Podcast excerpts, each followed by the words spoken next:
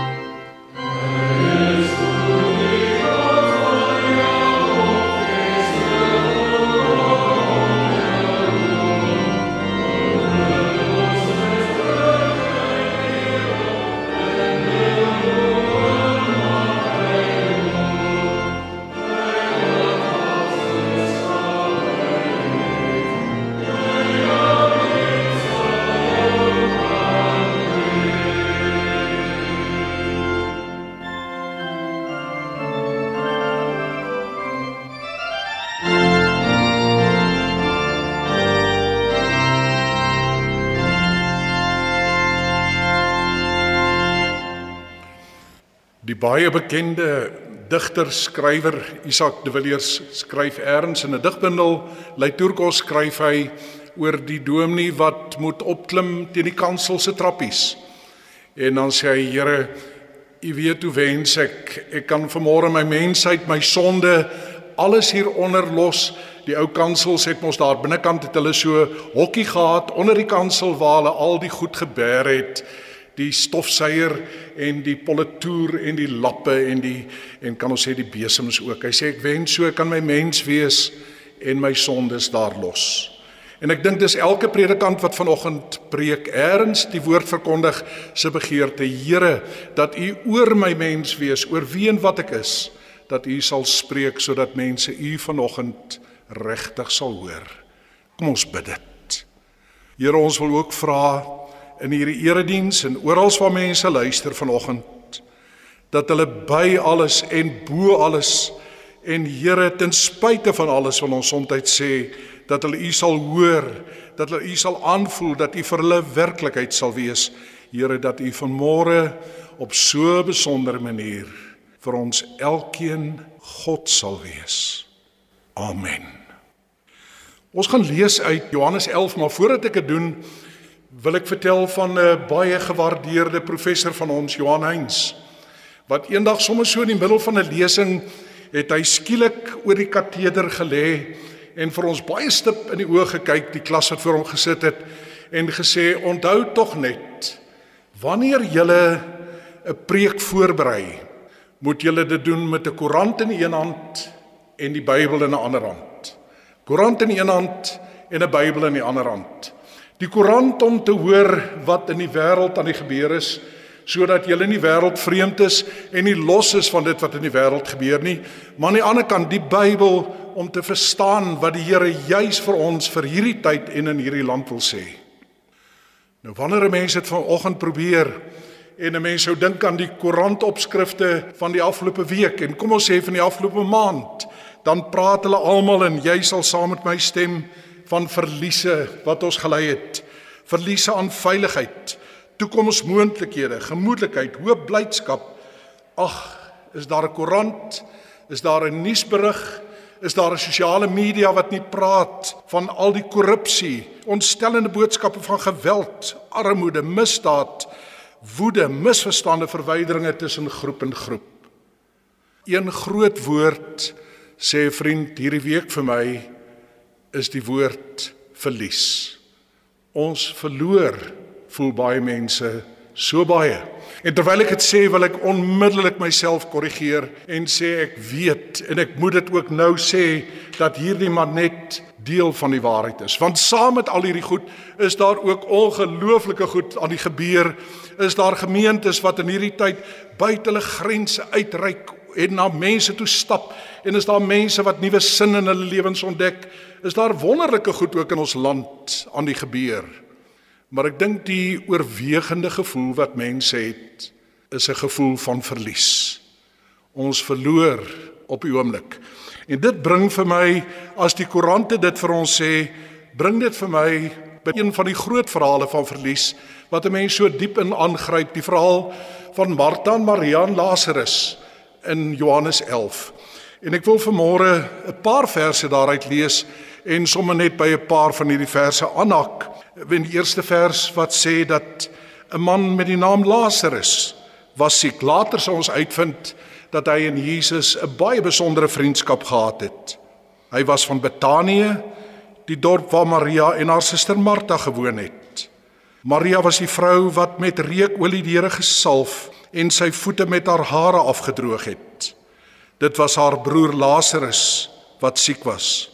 Die susters het iemand na Jesus toe gestuur om te sê: "Here, hy vir wie u baie lief is, is siek." Nou neem die verhaal 'n baie vreemde draai as ons lees dat nadat die Here met sy disippels hieroor gepraat het en hulle eintlik gewonder het wanneer gaan ons want dis darm nou dringend en hy is 'n vriend van Jesus lees ons dat die Here nog 2 dae vertoef voordat hy die reis aanpak. En uiteindelik as hy by Martha en Maria aankom, dan is Lazarus al 4 dae dood en begrawe. En 'n verhaal van verlies speel daar af. In daardie tyd sê die mense wat kommentaar lewer daaroor, moes hierdie twee vroue so weerloos gevoel het, want in daardie baie sterk patriargale gemeenskap was die man tog die beskermer, was hy die ene wat die huis bymekaar gehou het en skielik is hierdie broer wat daar was, altyd daar vir hulle was, is hy nie meer daar nie. En nou kom Jesus daaraan en hy kry hierdie hartseer verhaal en die mense wat huil en wat daar rond staan. En nou die wonderlike wanneer Jesus met Martha begine praat, sê sy in vers 27 hierdie aangrypende woorde vir hom. Sy sê: "Ja Here," sê sy vir hom, "ek glo vas dat U die Christus is, die seun van God, die een wat na die wêreld toe moes kom." Kan ek nou maar net sê dis 'n uitmuntende belydenis. Kyk vir ons hier in 2024 is ons nou baie mense wat hier oorwonder en wat hier oorskryf en wat dit ignoreer en wat dit probeer kanselleer, maar soveel meer vir daardie tyd.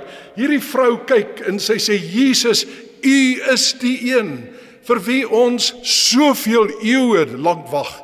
Die profeet het oor U gepraat. Soveel mense het in die tempel het hulle geprofeteer dat U sou kom. Ons het gewag en hier staan U voor ons. Hoor die woorde waarmee hy hom beskrywe. U is die Christus, die seun van God, die een wat na die wêreld moes kom. 'n Mens het amper lus om so langs die kant te gaan staan en vir Martha, mag ek dit so sê, hande te klap en te sê uitmuntend dit wat die fariseërs en die sadiseërs van daardie tyd hoe genaamd nie verstaan het nie en wat die skrifgeleerdes glad nie uit die Bybel uit kon aflei nie het jy met jou geloofsoog reg raak gesien. Hy is die een wat moes kom. Hier staan hy nou voor ons. Wat 'n wonderlike belydenis.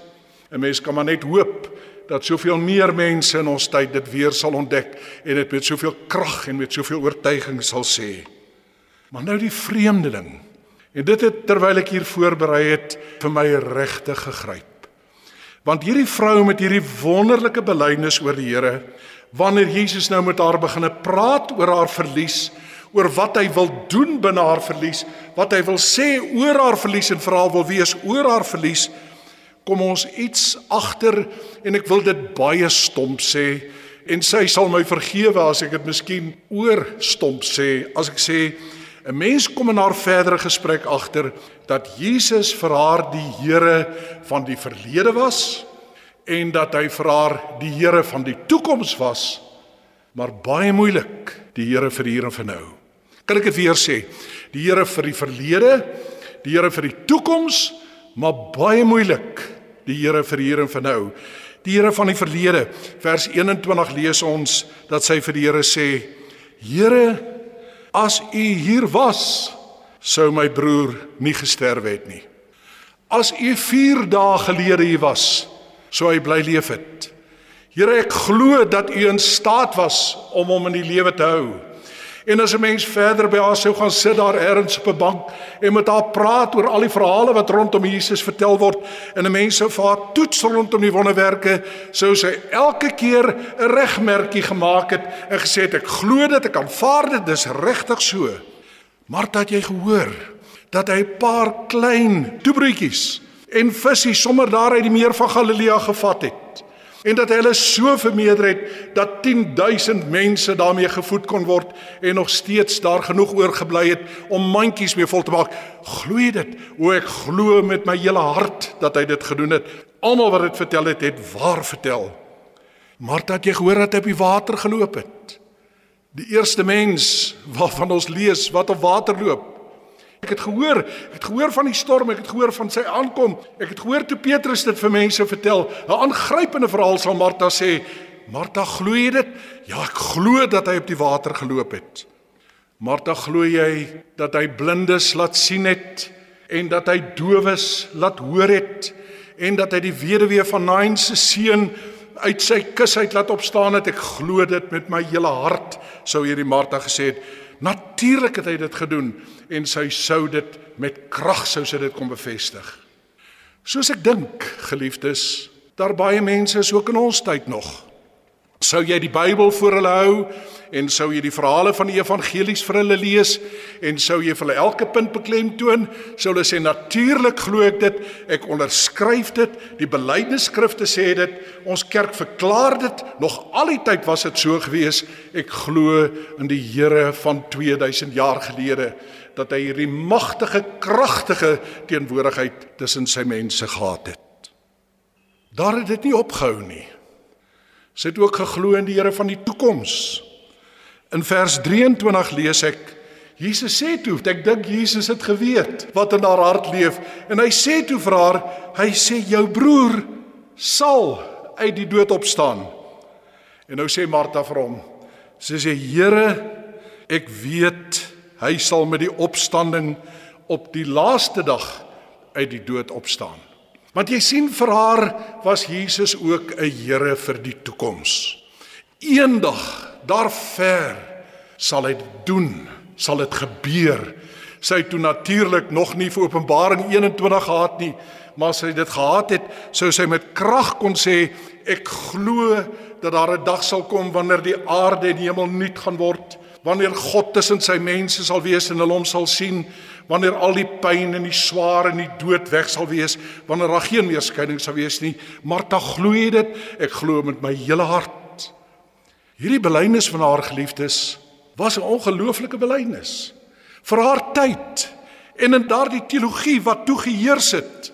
Is dit 'n ongelooflike belydenis wil ek byna sê en vergewe die woord ek sê dit in aanhalingstekens vir hierdie eenvoudige mens Eenvoudig in die sin dat sy geen van daardie opleiding van daardie tyd gehad het, geen van die groot blootstelling nie en sy sê ek glo in die God van die toekoms.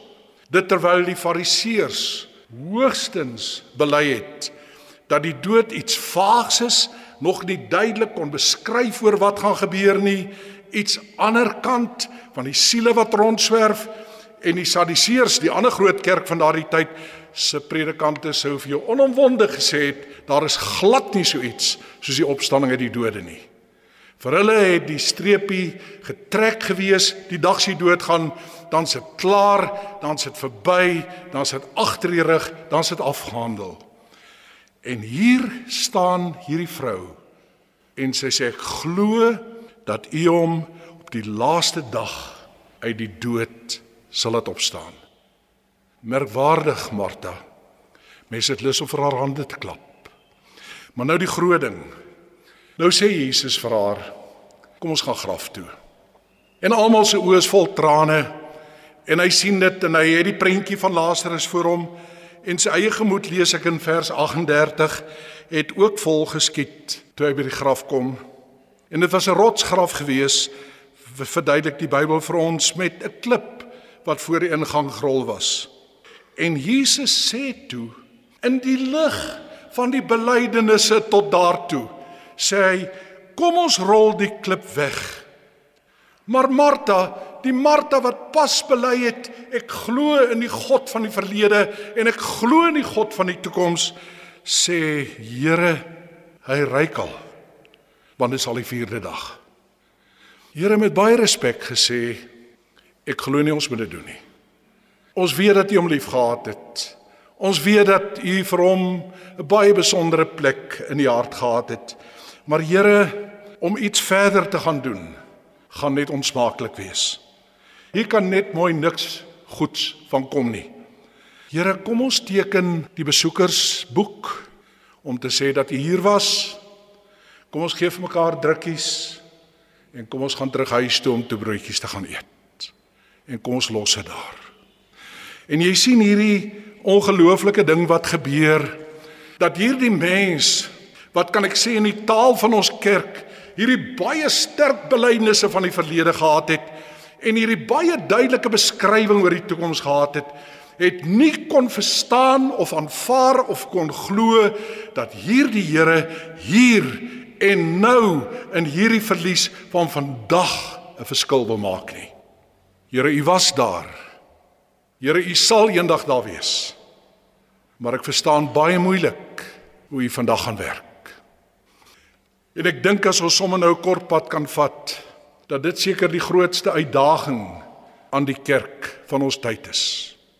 Die kerk wat in baie opsigte op baie plekke en op baie maniere verliese ly. En weer eens vir mense wat baie verliese ly, lees maar die koerante, lees maar die kerktydskrifte oor al die kerke, oor al die kerke in ons land, baie dieselfde storie, 'n verhaal van verliese. Dat ons vir onsself sal vra as Christen vanoggend sal vra terwyl ek met my belydenisse so mooi sê oor wat ek glo en ek so wonderlik sterk bely amper elke Sondag in die kerk bely oor wat hy gaan wees en hoe hy gaan wees in die toekoms. Of ons werklik bely en bo alles leef dat hy God vir hier en vir nou is. Terug na die verliese, wat glo jy regtig? Glo jy dat hy nou in jou swaar kry met jou 'n besondere pad verloop?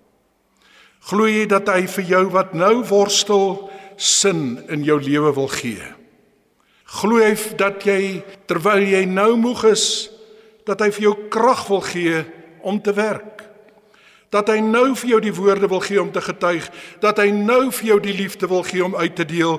Glo jy dat jy nou kan maar maar God dat jy dit nou groot oor ons land kan gaan skrywe? Jy weet dit is maklik om al die dinge terugskouend te sê. En is dalk bietjie minder maklik, maar nog steeds maklik genoeg om vooruitskouend die dinge te sê. Die uitdaging vir die kerk van die Here is om nou in 2024 in hierdie maand wat ons na hierdie boodskap luister om te sê Here, ek glo dat U in staat is om nou te verander, te werk deur my te werk en dat U my nou wil gebruik om 'n verandering in hierdie wêreld te maak. Jy sien die wêreld steur hulle regtig nie eintlik aan ons belydenisskrifte nie. En die wêreld luister nie met groot aandag na wat jy oor die toekoms sê nie. Want die wêreld wil weet nou en hier is hy nou in staat om die lijk te laat lewend word en Lazarus te laat uitkom.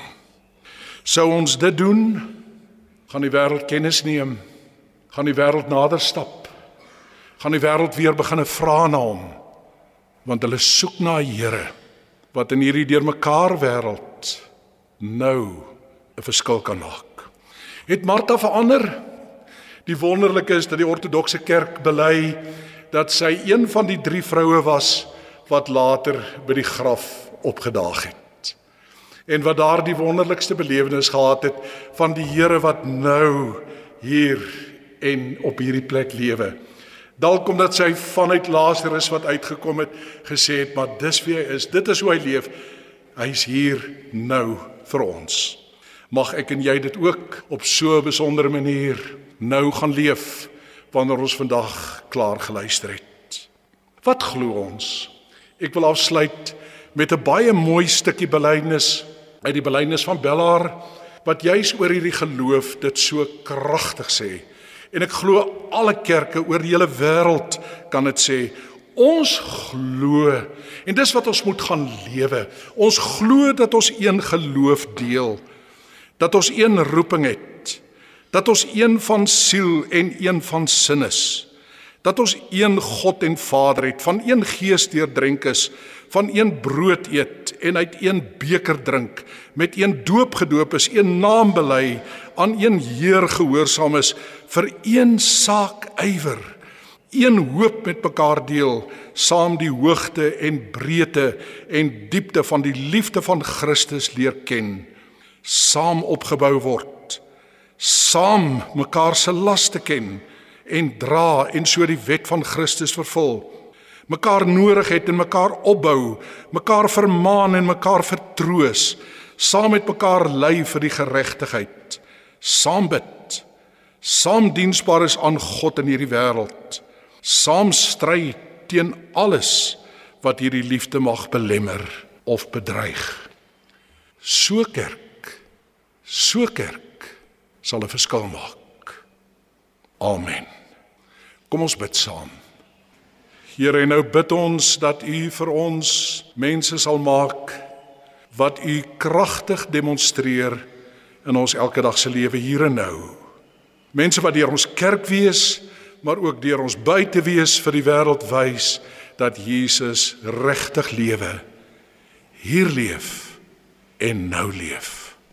Dit bid ons in u wonderlike naam. Amen. Ons gaan nou ons laaste lied sing, lied 219 wat sê laat ons sing van ons verlosser, hy wat wys hoe liefde lyk.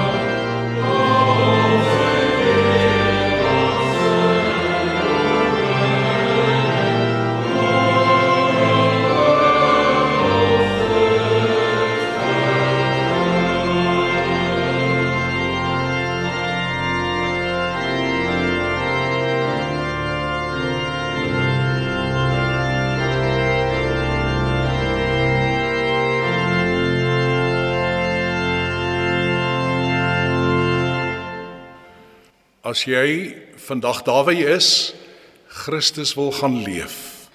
Christus wil gaan bely, Christus wil gaan wys vir die wêreld.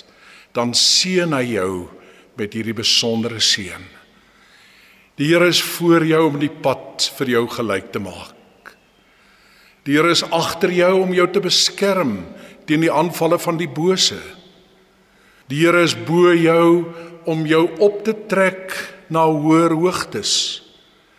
Die Here is onder jou om jou op te tel as jy moeg geword het. Die Here is binne in jou om jou te vul met sy vrede en met sy liefde. Amen.